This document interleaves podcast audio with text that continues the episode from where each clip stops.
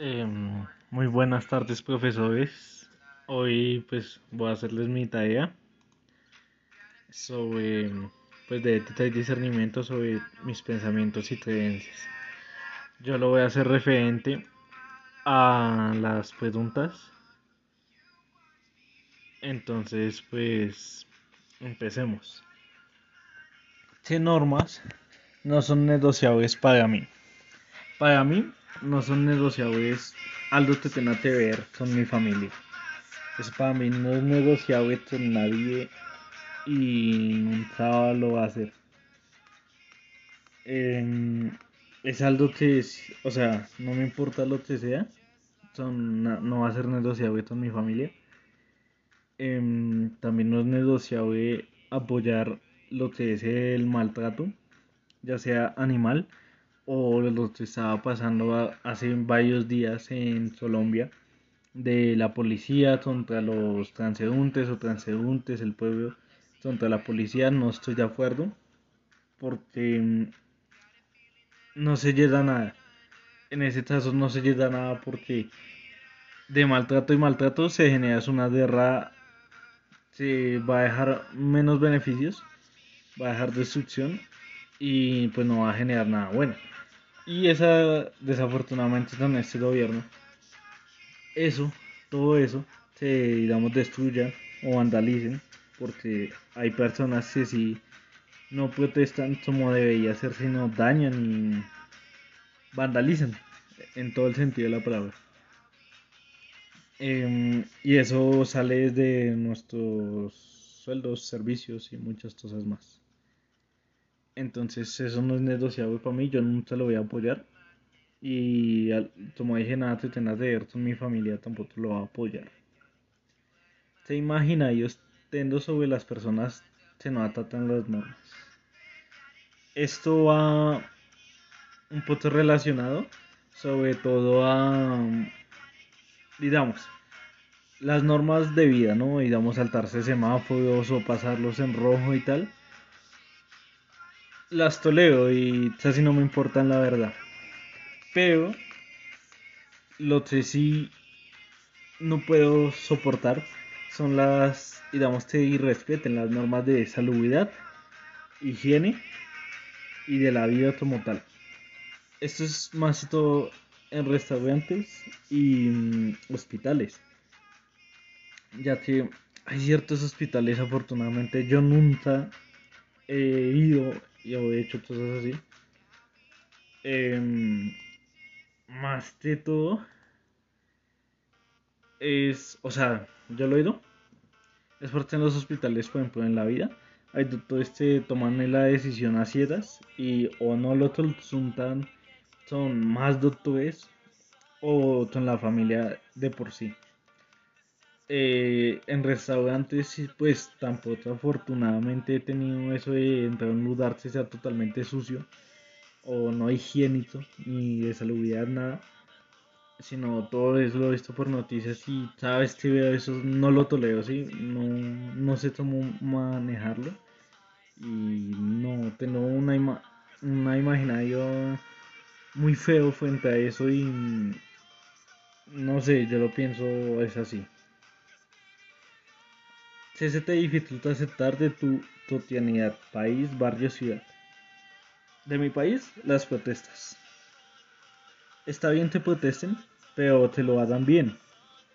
No te lo hagan como lo están haciendo de vandalizar, romper los vidrios de Transmilenio em, y todo eso.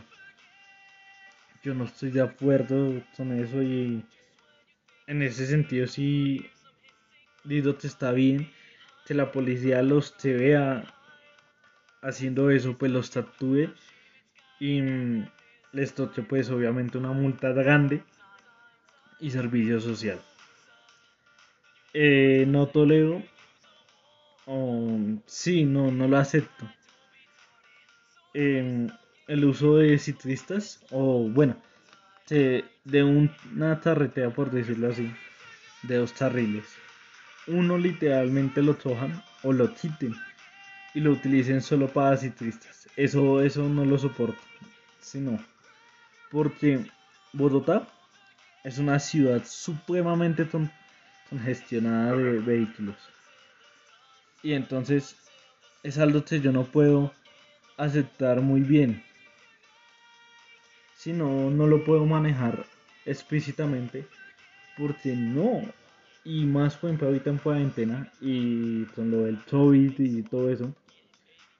Es mejor que la gente salga en su carro. ¿Sí? Porque está en un espacio de solo él. En también una cifra. Pues tiene, tiene, o la mayoría de personas que yo he visto en Citra, van esto en el tapabotas en el cuello. Y eso genera contaminación. ¿Sí? Y esa, ahorita lo que necesitamos es evitar eso. Entonces, pues no estoy de acuerdo y nunca lo está ahí. Así pasemos del. Nunca lo está ahí. Porque, como digo, Bogotá es una ciudad demasiado congestionada de vehículos. Y hacer esto es peor que beneficioso. Así Dante solo va a hacer un tiempo o mientras se construyen los puentes. No, no es la idea. Entonces, con eso no vaya a estar de acuerdo. Y mm, ya, yo creo que es eso de mi totianidad. Y damos más en el barrio, y damos por ejemplo mi casa y tal. No tolero de pronto que cuando los, digamos, los dueños atan sus mascotas, digamos, a torrero, al aire libre. Y cuando las mascotas hagan sus necesidades, no, o sea, no lo tolero si te no retojan, perdóname las palabras, el popo, el excremento del animal. Y si lo dejen enfrente de una taza o esto, eso no, o sea, no entiendo por qué lo hacen.